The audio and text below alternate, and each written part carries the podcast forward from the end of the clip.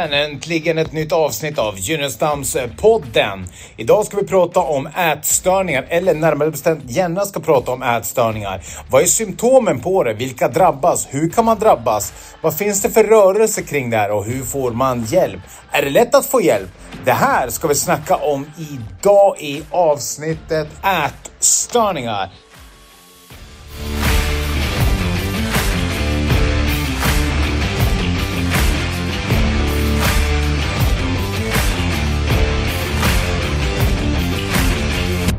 Hej och välkommen till Gynnesamspodden. I dagens avsnitt ska vi prata om ätstörningar. Eh, vi kommer att reda ut några begrepp, både nya och gamla, eller de kanske inte är nya, de kanske har funnits i en evighet, men de blossar upp om och om igen. Vi kommer att prata om eh, vad det är som gör att man hamnar i sjukdomen anorexia eller får ätstörningar. Hur man som, som anhörig kan hjälpa någon i familjen som är sjuk, hur man själv om man blir sjuk kan ta hjälp, vart man vänder sig. Eh, vi kommer också prata om min personliga upplevelse, alltså min resa genom anorexia då jag har haft den sjukdomen sedan 11 års ålder. Eh, ett starkt och oerhört viktigt avsnitt. Mm. Vad, vad är anorexia? Alltså jag förstår ju att att man, att man blir jättesmal av att man lider, att man inte vill äta. Men, men vad är anorexia? Alltså anorexia, eller det rätta ordet anorexia nervosa, är ju alltså en, en sjukdom där du svälter dig själv. Eh, man vill bli smal. Det kan ofta börja bara med att man vill kanske gå ner något kilo eller så och sen så, så drar det iväg och, och när du går ner i vikt sådär väldigt mycket. Du får inte i dig näring som du ska och, och det vet man ju när man är sjuk att man inte mår bra och, och, och, så. Men när det är under en längre tid så blir det ju mycket större skador och vissa skador som inte ens går att reparera. Det vill säga kvinnor som svälter sig så pass länge och går ner så mycket i vikt så att man, man, mensen försvinner. Eh, du kan inte fokusera, det är liksom hjärtat får jobba hårdare, det börjar hända fysiska saker i din kropp. Och i vissa fall tyvärr dör man. För att någonting vi vet det är att om du inte äter så dör du till slut. Mm. Och det här är ju någonting som, som vi pratar om, lika det här med att säga men du är deprimerad, ryck upp, ryck upp dig eller mm. skärp dig som du pratar om. Men det här är också att men du vet väl att du måste äta, du vill bara äta. Men det är inte så lätt när du hamnar i det, för det är en sjukdom. Mm. Men när, när, alltså, var kommer de här idealen ifrån?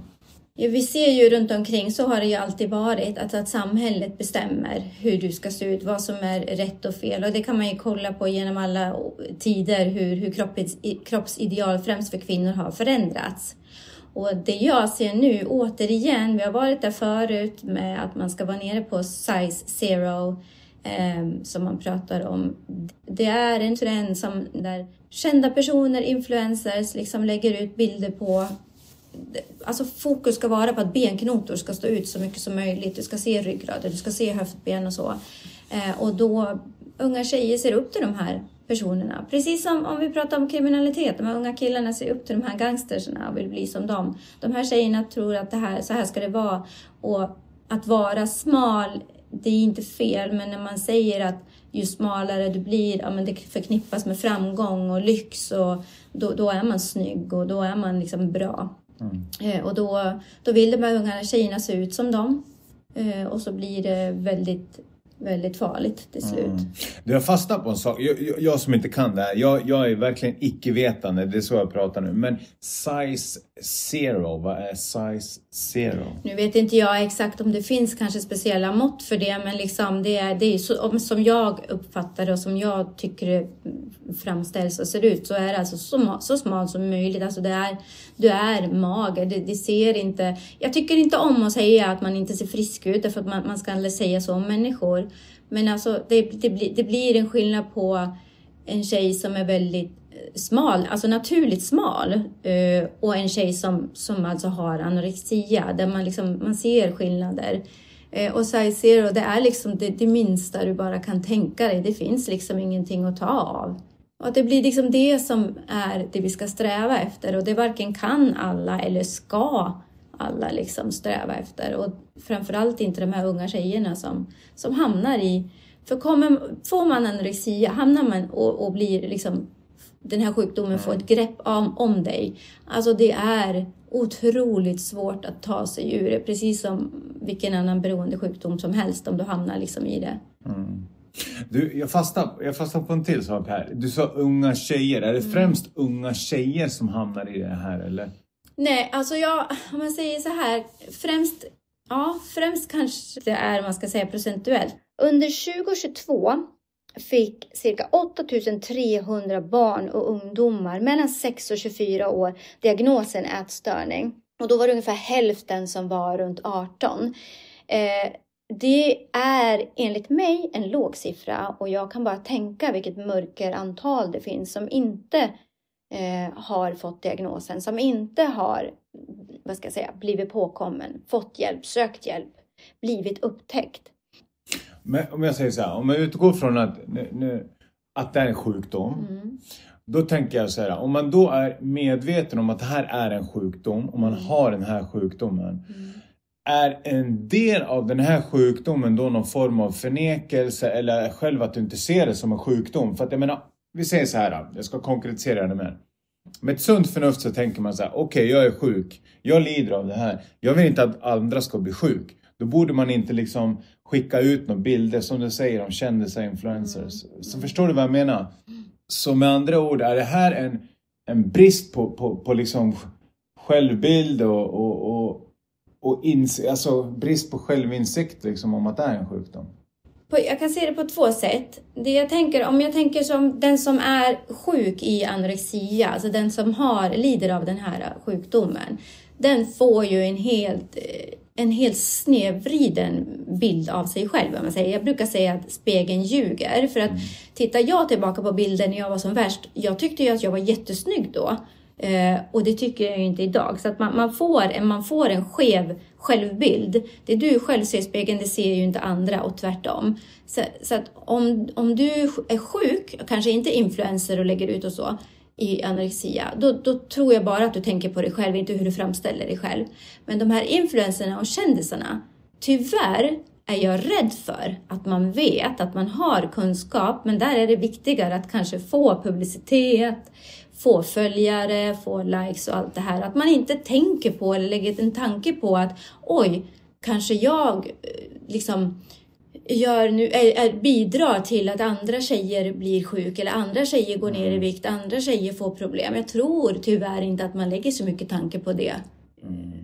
Men jag tänker så här, nu, nu när du var 11 år och, mm. och, och liksom drabbas av det här, och då kan ju du liksom hur var det för dig? Hur reagerade din omgivning? Hur, liksom, vad hände? Vad sa? Mm. Vad sades menar jag? Alltså, för jag kan börja med min mamma som var förtvivlad. Hon kämpade i många år och hon, som många andra föräldrar, eh, jag själv med döttrar, blir, står ofta handfallna. Man vet inte riktigt vad man ska göra. Man kan inte egentligen göra någonting. Och tjejer som får, kvinnor, män också, män kan också få anorexia för den delen, eh, som blir sjuk, de blir ju också mästare på att ljuga, manipulera, gömma. Eh, man smyger iväg och, och, kanske om du har bulimi och kräks ur. Du, du häller, jag hällde ut saker, mamma kom in och sa jag hällde ut saker och gömde saker, blomkrukor och liksom på alla sätt försökte komma undan att få i mm. mat eller dryck och så. Eh, så att eh, hon, hon gjorde ju så gott hon kunde och, och, jag blev ju inlagd till slut på hem och sjukhus och sånt där. Men omgivningen var nog ganska ovetande. Jag tror att folk är ganska okunniga än idag därför att man säger ofta, och det är det man måste tänka på, vad man säger till en person. Nu kanske du inte vet om en person är sjuk eller inte, men att gå fram till en väldigt smal människa och säga men gud vad du är smal, vad hemskt du ser ut, du är så mager, du behöver äta, ta en kaka och sånt här. Och då tror man kanske att man hjälper den här personen, men det kan vara få motsatt effekt, vilket blir ännu en fara. Därför då, då tänker den här personen, åh oh, gud, de tycker jag är smal. Man hör inte vad, vad hemskt du ser ut, vad smal du är, du ser inte klok ut. Utan det man hör att, åh, oh, de tycker jag är smal. Och så mm. fortsätter jag, ska gå ner lite till. Mm. Eh, så att omgivningen kan i, i sin kanske önskan om att hjälpa sig själva istället och bidra mm. till att det blir värre. Och många kanske blir rädda och drar sig undan för de vet inte riktigt hur de ska bete mm. sig. Men jag fastnar på lite olika saker här. Men målet, alltså när man är inne i det här sjukdomsförloppet. Mm. Så, som, för det låter lite som alkoholism det här med att gömma och Ja, manipulera. 100% är. Ja. Så, så målet i, i sjukdomen det är att bli så smal som möjligt. Det är det som är liksom agendan. Ja, Ja ja känsla, så bli så smal som möjligt och grejen är att det blir någon slags eh, kamp med sig själv där man blir två, nu pratar jag lite ut, utifrån mig själv men också som, som jag vet hur det funkar.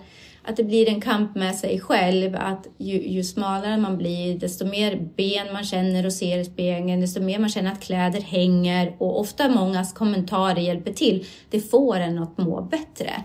Sen vet man, man vet ju såklart att om jag inte äter så dör man, men ofta så spelar det ingen roll att man hamnar på sjukhus och nästan dör.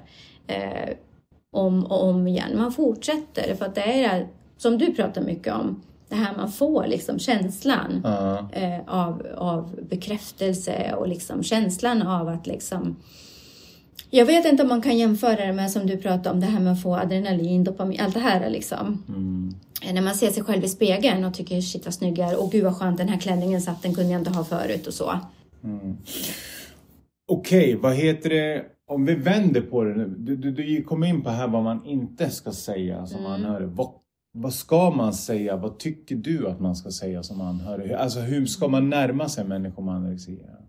Ja, det här är ju jättesvårt alltså. Ett för att alla är olika såklart, men, men det är viktigt att man liksom om man är den, någon som är närmast omkretsen, det är väl kanske de främst jag, jag tänker på nu då, att, liksom att bara visa att man finns, inte, inte tvinga, inte döma, inte skälla, inte pressa, därför att det, det får oftast också motsatt effekt. Man måste vara väldigt försiktig, eh, samtidigt inte medberoende eh, i och med att liksom okej, okej, du behöver inte äta det här. Så det, det är svårt, jag vet inte riktigt vad man skulle göra, men om jag hade fått önskat, alltså jag jag blev ju kanske både pressad och sen inlåst på ett hem där du liksom eh, verkligen blir övervakad. Där du kan inte, inte äta, du kan inte gå och kräkas, du kan inte smyga. Det, det, som, det, det, var ju, det var ju, det funkade ju. Men när man kom ut så var det ju liksom, yes nu kan jag köra på igen. Så att det, det, det behövs, det tar tid. Det tar tid. Bara visa att man finns där och var lyhörd och, liksom, och håll koll. Liksom, och att ta kontakt med, med sjukvård. Och det finns ju liksom hjälp runt omkring att få.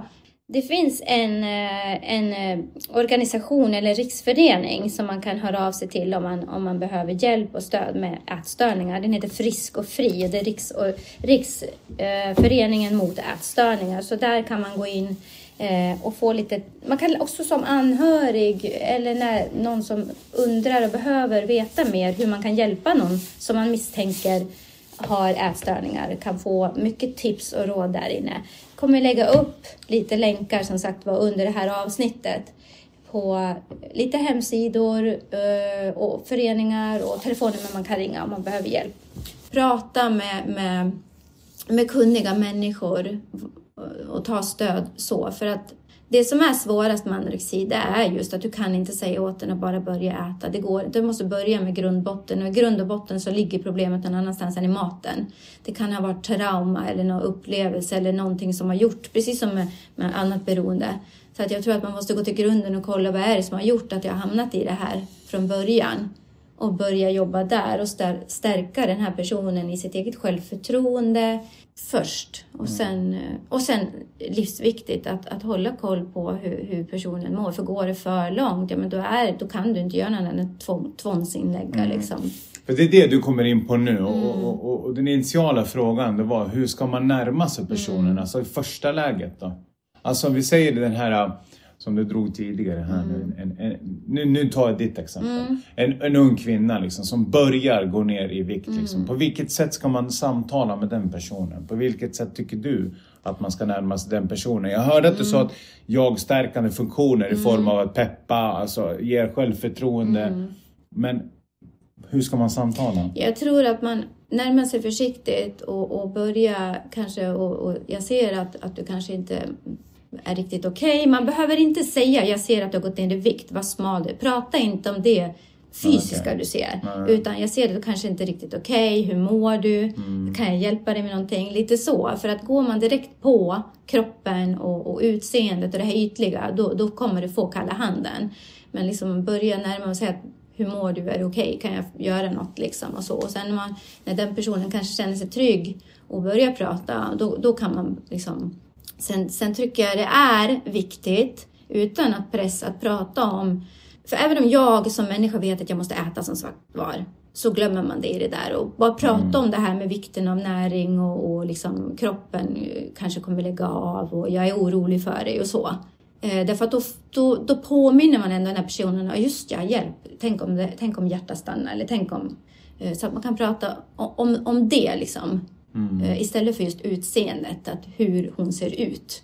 Mm. Förstår du hur jag menar? Jag förstår precis hur du menar. Någonting annat jag undrar över, det, det är det här med anorexi och bulimi. Du har varit inne på det här med att spy några gånger. Vad, vad finns det för olika former av anorexi? Eller finns det olika former av anorexi? Är bulimi är det? Vad, vad ingår i ätstörningar? Nu blev det många frågor igen. Men... Alltså så här kan man säga, ätstörningar finns det olika former av. Men den vanligaste och den farligaste skulle jag vilja säga är ju anorexi. Och det handlar ju om att du helt enkelt svälter dig själv för att du vill gå ner i vikt tills att det blir eh, till en skadlig eh, nivå.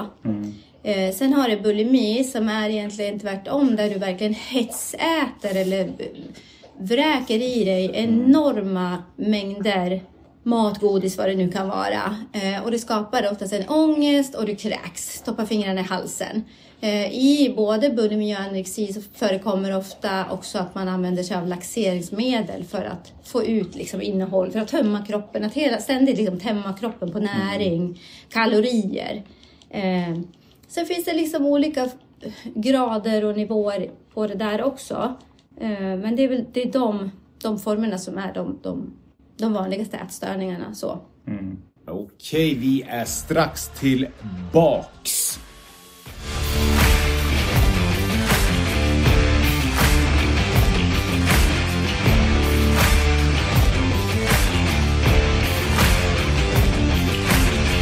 Okej, jag har en fråga till dig. När jag har googlat och så, så har jag sett så här, eller inte bara googlat, jag har sett på Instagram och andra sociala medier. Pro-Ana, vad är Pro-Ana för något? Ja, alltså ProAna, det står för Promotional Anorexia. Så det är som en subkultur och där lyfter man fram anorexia som en livsstil istället för ett sjukdomstillstånd. Alltså man liksom man tycker att är, man säger att man ger tränings och coachtips liksom. Eh, Träna så här, här får du träningsprogram, ät så här för att få mer muskler eller bli friskare, bli snabbare, hoppa högre. Här liksom, här försöker man istället att visa hur du kan gå ner i vikt och hur du kan ha, leva med anorexia och då blir det ju otroligt farligt därför att man lever, man pressar det, pushar det så hårt så man lever på en gräns där man alltså får tips på hur du kan klara dig utan mat, hur länge, hur gör du för att klara dig längre? Alltså man ger tips på att kunna leva med anorexia som, som att det skulle vara en hälsosam livsstil. Ja. Alltså det låter ju extremt, alltså för, för mig, när jag, när jag hör, alltså det, det här är en, en sjukdom som i värsta fall slutar med dödlig utgång, precis som missbruk. Tänker jag, kemiskt beroende. Ja. Och då tänker jag också liksom om man för kampanjer, vilka är det som för sådana här kampanjer då? Jag menar i, i, om man ska kolla på missbruk och beroende, då är det ju liksom drogförsäljare etc. Ja, men här, det, här är, det här är ju liksom anorexiförsäljning då. Ja, ja det, det, det, det finns olika. Dels så finns det ju tjejer som, vanliga tjejer som lider av sjukdomen, som lägger ut, som har alltså på sociala medier, som, det är ju liksom den största delen, har konton där de bara egentligen lägger ut bilder på hur smal de är. Då är det bilder på höftben som sticker ut, man sitter på ett speciellt vis och visar, kolla min ryggrad. Och nästa bild, kolla mina nyckelben, var de står ut. Och så sitter folk och gillar det där och hjärtar och tycker, åh gud vad duktig du är. Det är så fruktansvärt.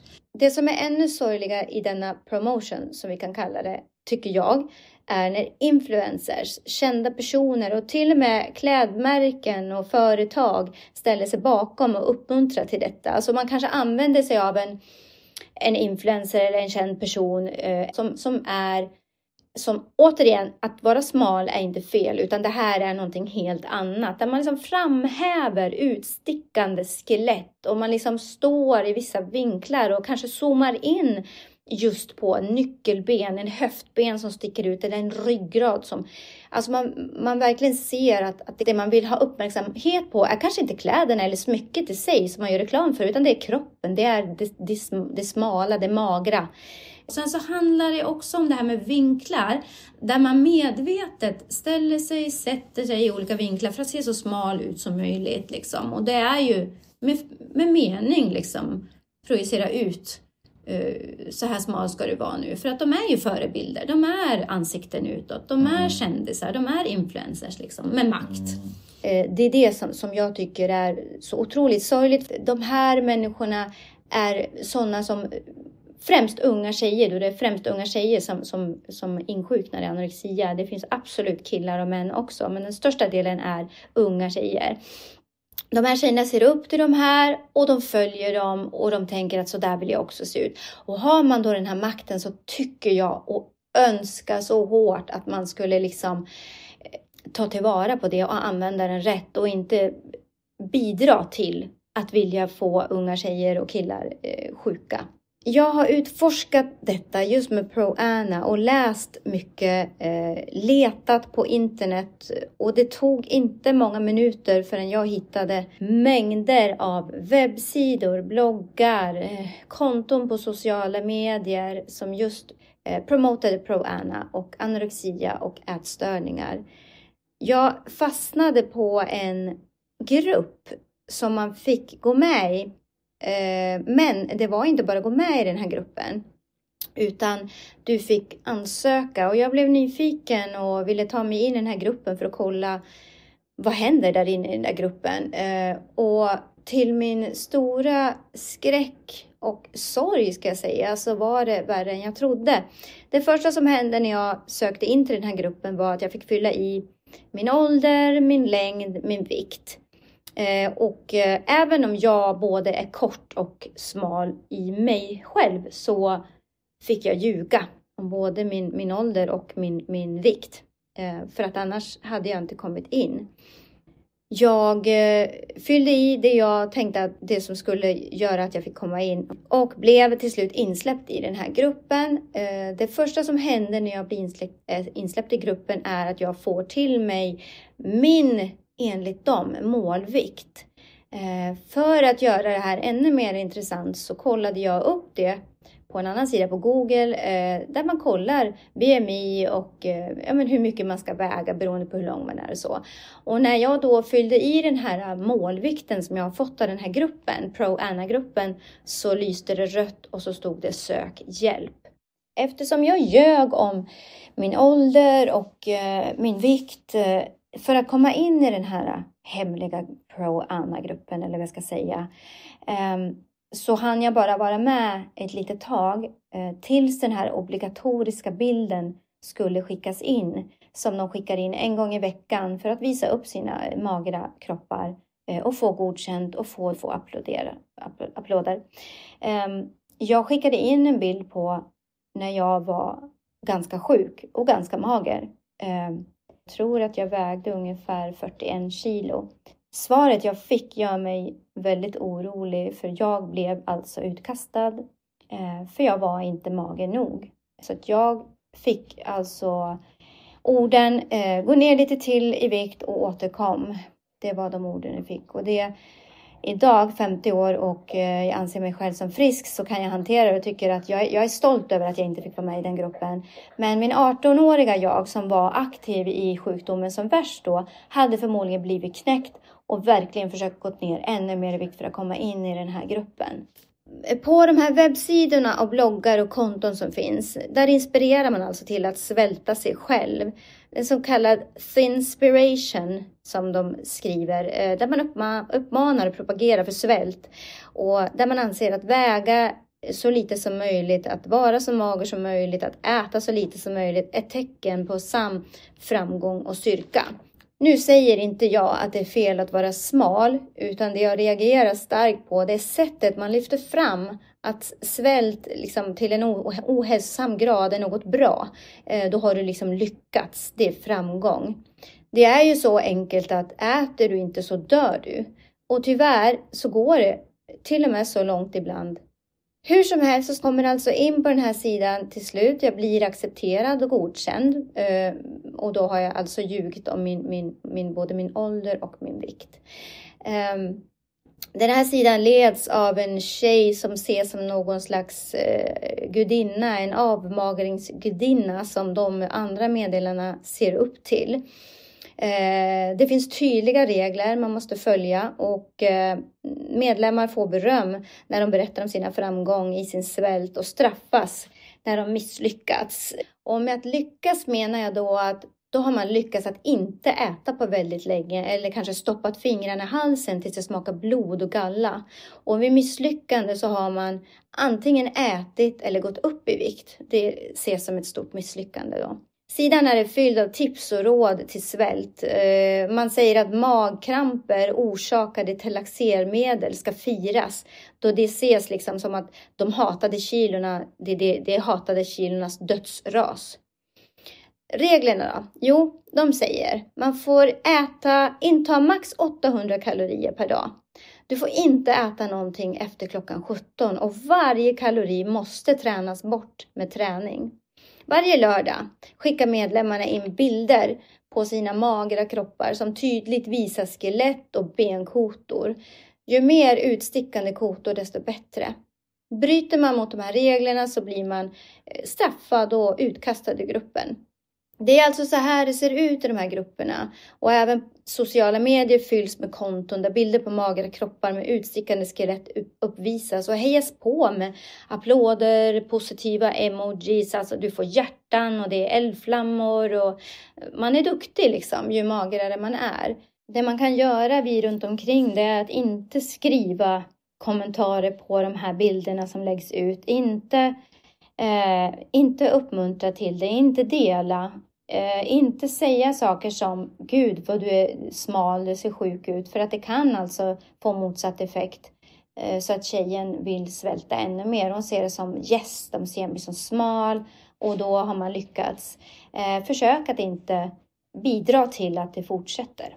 Är det någonting jag själv har lärt mig genom min egen kamp mot anorexia, det är att det är inte en livsstil. För just pro-Anna och också pro-Mia som är promotional bulimia, alltså när man, när man hetsäter och kräks. Det finns, man kallar, man kallar dem för Anas och Mias.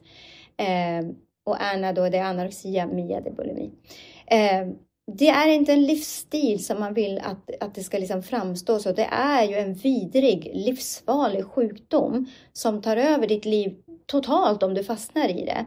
Det är ett beroende som vilken beroendesjukdom som helst och, och följden blir ofta en livslång kamp om du överlever. Sedan slutet av 1900-talet har pers personen vänt sig till just internet för att få tröst och stöd, kanske i bloggar, webbplatser, Youtube och så vidare och så vidare. I de bra fallen så hittar man liksom tips och stöd på ja, men till exempel hur man kommer bättre, bra träning, bra kostsidor. Man kan hitta sidor där man kan få hjälp med barnuppfostran, djur, hur, eh, hunduppfostran eller hur du lyckas med ett företag, du kan gå utbildningar och massor med positiva saker. Men i detta fall handlar det istället om hur man lyckas med svält och hur man blir så mager som möjligt. Man promotar alltså självsvält och uppmuntrar till ett livsfarligt sjukdomstillstånd. Där tecken som yrsel, hjärtklappning, kräkningar, magkramper ses som en framgång eh, och, och en bra känsla. Liksom.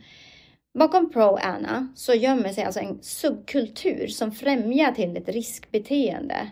Man förvärrar ätstörningar och är livshotande. Och då har jag tittat lite på hur ska man få stopp på det här? Kan man förbjuda eller kriminalisera de här webbsidorna, bloggarna och konton? Kan man anmäla de här personerna? Då hävdar en del forskare att man tror att ett förbud istället kan göra mer skada än nytta, då deras argument är att de här plattformarna ger människor som lider av de här problemen och lever med ätstörningar kan finna ett sätt att oro, liksom minska sin oro och frustration, att prata med likasinnade eh, andra människor som lider av anorexia. Och, ja, det vore väl en sak om de hjälpte varann och peppade varann till ett friskare liv, till att ta sig ifrån sjukdomen. Men i det här fallet så peppar man varandra till att gå in djupare i sjukdomen, att, att, att bli värre. Eh, och då säger andra sidan att det är farligt att uppmuntra till självsvält och en dyrkan av utmärglade kroppar. Så det finns liksom två sidor. Eh, en sida är också, och det här vet jag också som, som gammal anorektiker, man ska säga så, att man blir väldigt isolerad. Man, man är väldigt rädd om sin sjukdom. Man vill inte att någon ska märka. Man vill inte att någon ska komma på en och tvinga en att äta och tvinga en att bli frisk. Så att man blir väldigt isolerad. Eh, och här finns ju då ett sätt för eh, likasinnade att hitta varandra på internet, att, att prata med varandra för att kanske ingen annan förstår och så vidare. Men återigen, om det då var att försöka pusha varandra till ett friskt liv, att bli tillfriskra från anorexia, bulimia, alltså ätstörningar, så vore det ju bra. Men här är det precis tvärtom, vilket gör att det är ett oerhört svårt problem att komma åt. Något som åtminstone är lite positivt är att många eh, sajter eh, och, och, plattformar har faktiskt börjat blockera de här pro-Anna-kampanjerna och eh, många tar avstånd ifrån de här bilderna och den här eh, kampanjen som man kan kalla den.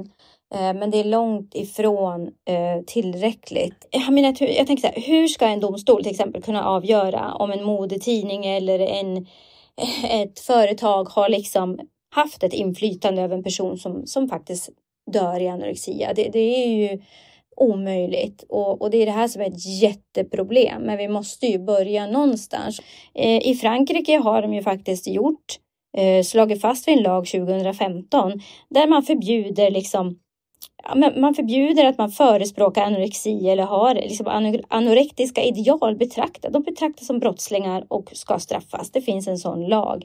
Eh, jag vet inte hur det skulle kunna funka här i Sverige, men, men just det här med att bara sluta att eh, promota det helt enkelt. Eh, betyder det att ni kommer tjäna mindre pengar? 100 procent. Men räddar du liv? 100 procent. Vad är viktigast för dig? Det är den frågan vi måste ställa oss själva.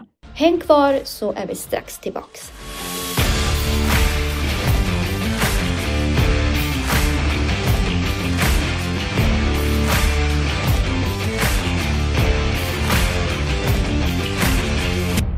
Jag tänker så här, när, när, när jag lyssnar på allt det här, okej, okay, okej. Okay.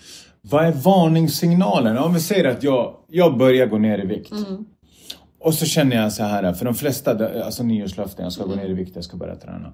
Och så börjar jag gå ner i vikt och, och, och, och, så liksom, när går det över gränsen? Vad är varningssignalerna för en människa som håller på att hamna i, i anorektiskt mm. beteende? Varningssignalerna tycker väl jag är, alltså du ser om det är någon som vill gå ner i vikt och man liksom ser att det är på en hälso ett hälsosamt perspektiv. Alltså det, du ser fortfarande att den personen ser frisk ut, mm. Eh, mår bra.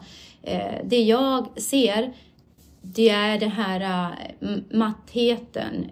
Man ser på hela kroppsspråket, man ser på ögonen, man ser på huden, orken. så att det är väl först och främst förändringar i, i, i det. Liksom. Glädjen, orken, matt. Du vet om du varit sjuk länge, hur man ja. blir. Liksom. Ja. Det är det Grå under ögonen, ja. så är det så du ja, menar? Ja, glansen försvinner. Alltså på ögonen, håret. Alltså du, du ser rätt tydligt. Jag vet att vi pratade om det förut, att jag ja. kan se ofta på en person eh, som lider av ätstörningar så innan du ser att det börjar synas på kroppen. Ofta så kan de här eh, tjejerna och killarna klä sig i väldigt stora och bylsiga kläder eh, till en början också. Eh, och vissa gör så jämt, det är också ett, ett litet tecken. Men främst tecknet på att man börjar bli orkeslös, matt, tyst. Okay. Och sen till slut kanske försvinner på toa. Alltså märker, om du är hemma till exempel och har ett barn eller, ja. eller en sambo eller så och du märker att varje gång man äter, kanske äter mindre och mindre, du märker att det händer mycket med portionerna. Eh, personen kanske går på toaletten direkt efter maten jämt. Den kanske inte vill äta, den kanske glömmer bort att äta. Eh, så att det, det finns sådana tecken på att någonting kanske inte står rätt till. Och sen också när man ska gå ner i vikt, alltså du kommer till en viss gräns och så kanske man har satt ett mål men du fortsätter och du fortsätter. Då kanske du också ser att oj nu, nu har det hänt någonting här. Eh, och då behöver man kanske kolla att det räcker inte nu liksom. Och... Mm. Men kan inte det, nu ska jag vara lite utmanande, mm. kan inte det ha att göra med att okej okay, nu har jag klarat det här målet, att man får mer inspiration av att man har klarat målet? För jag tänker så här, det är ungefär som, vi, vi, vi sätter det i relation till fighting, okej? Okay? Mm. mm. Du ska gå den här tävlingen så känner du, ah, nej, men, och så efter den tävlingen, du, du, du får liksom blodad tand, du vill bara fortsätta och fortsätta liksom. Mm. Jo, det kan det ju också vara såklart. Det, det, är ju, det är ju där, alltså vem som helst tror jag kan få ätstörningar och anorexia och fastna i det liksom. Eh, precis som vem som helst kan bli beroende av någonting annat. Men så visst, man kan liksom vara, känna att Åh, det här gick så bra, jag vill mm. fortsätta. Liksom. Nu, är, nu har jag liksom kommit igång med det här. Och vissa människor håller det bra, liksom, det, det går bra, jag fortsätter, jag har fått en ny livsstil. Liksom.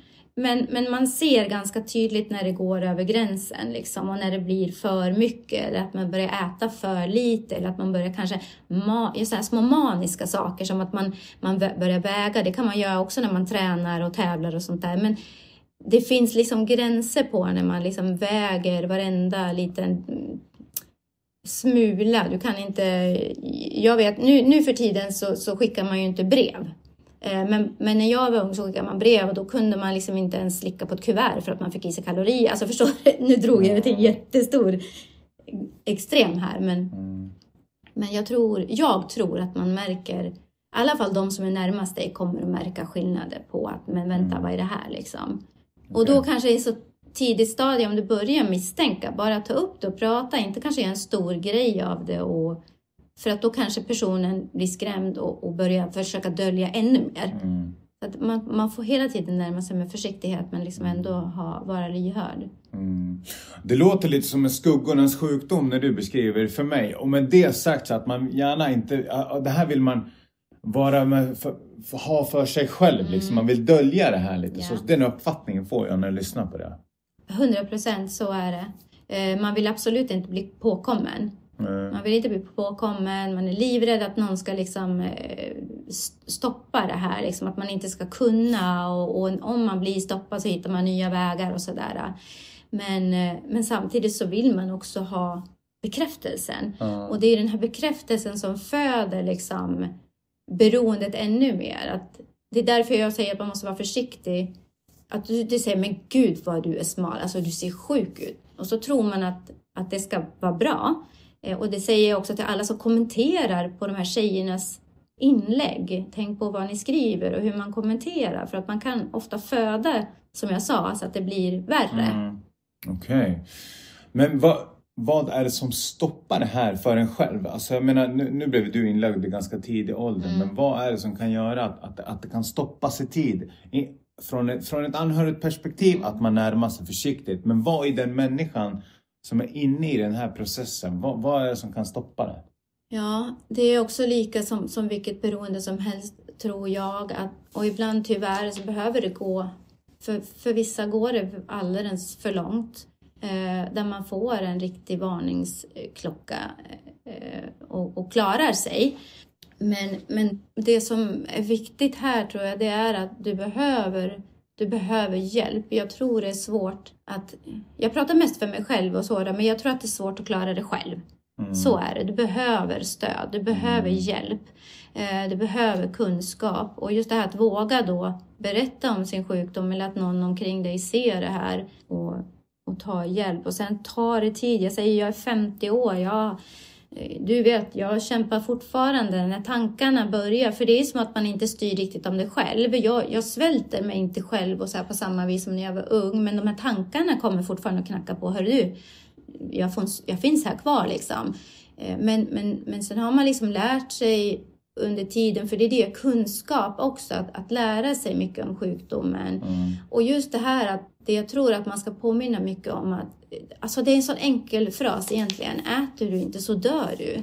Det är ju det liksom, men att leva på en, i den här balans, på ett balans på ett rep hela tiden och leka med döden liksom. För att när kroppen börjar lägga av, då kan det gå väldigt fort. Och, och som kvinna kan det ju också vara det att du kan överleva, men du kan också göra så, visa att du inte du kan inte skaffa barn. Alltså det har ju väldigt eh, rejäla påföljder om, om det mm. går illa liksom. Men så att en, en stöd, hjälp, det finns olika organisationer där du kan få hjälp. Eh, sen är det ett livslångt arbete att fortsätta jobba liksom på det och, och, mm. och prata om det. Både med, med anhöriga eller vänner omkring, prata med den som är sjuk och den som är sjuk om du känner jag jag vill inte. För det är inte heller så här att jag vill inte vara sjuk längre och så går det bara över. Nej. Jag vill inte ha anorexia. Det går inte över, förstår du? Men så att man måste liksom hela tiden prata om det. Mm. Mm. Men absolut, ta hjälp. Och det finns mycket stödorganisationer och det finns hjälp. Jag tror att du kan ringa till vilken hälsocentral som helst där du bor liksom, eh, och, och, och få guidning därifrån vart du kan vända dig. Mm. Okej. Okay. Så vad skulle du säga till den kvinnan eller den mannen som lyssnar just nu som, som, som liksom är inne i det här förloppet? Jag skulle säga att det är inte värt det.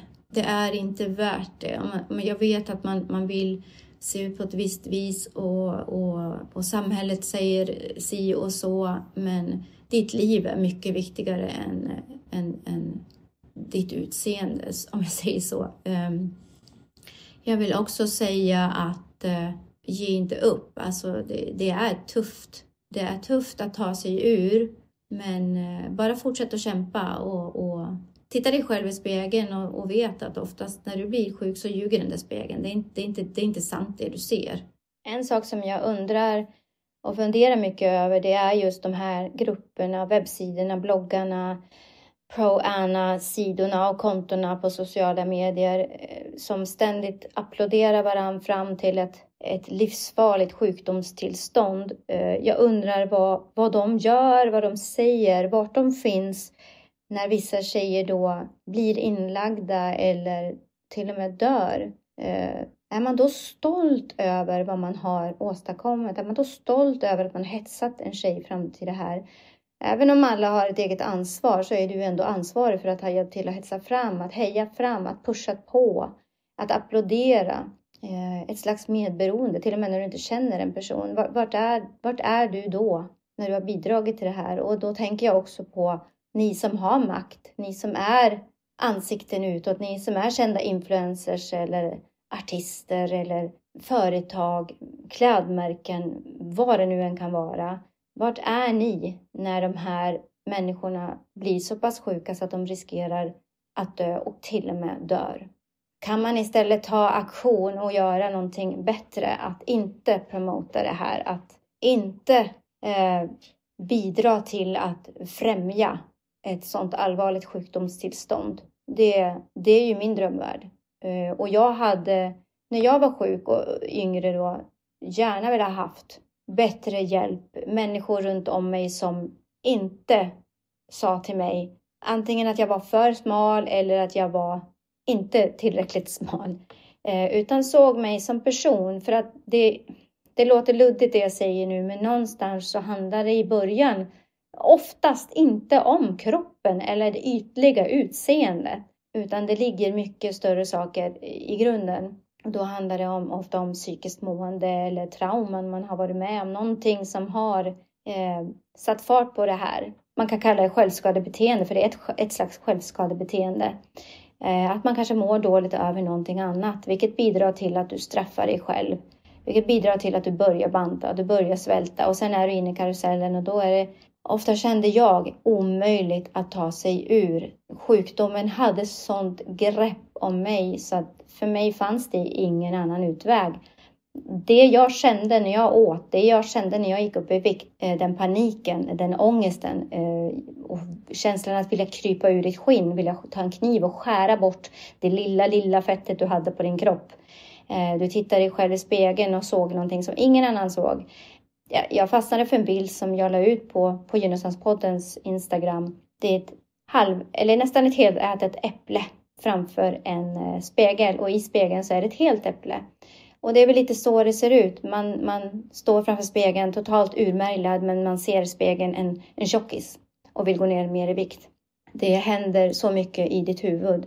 Eh, så att jag skulle vilja med, den här, med det här poddavsnittet eh, uppmana alla till att försöka hjälpa till och göra, dra ditt strå i stacken för att inte bidra till mer vikthets. Eh, utan eh, du som har makt, Lägg inte ut de där bilderna, gilla inte de där bilderna, heja inte på. Stäng ner din sida som du har startat, om du har startat en pro-Anna-sida. Stäng ner den, hjälp inte tjejer att bli mer sjuk. Eh, gör det du kan för att om alla hjälper till lite grann så kanske vi hjälper någon tjej. Och hjälper vi någon tjej eller kille, då är jag överlycklig. Mm. Jag fick en mycket bättre bild för vad, vad anorexia är eller förloppet och så. Och det påminner väldigt mycket om beroende, kemiskt beroende, missbruk, vad du vill kalla det. Och det kommer jag att prata om i den här podden längre fram. Jenna kommer också prata om trauman, om våldsutsatta barn och etc. Yeah. Så det är på gång i podden. Och tack så mycket för, för, till er vill jag säga som lyssnade. Kom ihåg att prenumerera. Det finns på Youtube också, det vet ni. Och där kommer det komma poddokumentärer snart. Med poddokumentärer så menar vi att jag eller Jenna kommer då att prata och då kommer det vara visuella bilder etc. Just nu så finns ju varje avsnitt på Youtube också. Men där finns det mer som ljudfiler nu. Så det kommer vara där. Och på vårt Instagramkonto så kommer det löpande uppdateringar. Så gå in och följ det också. Det heter Gynnestamspodden och... Stay tuned! Ja.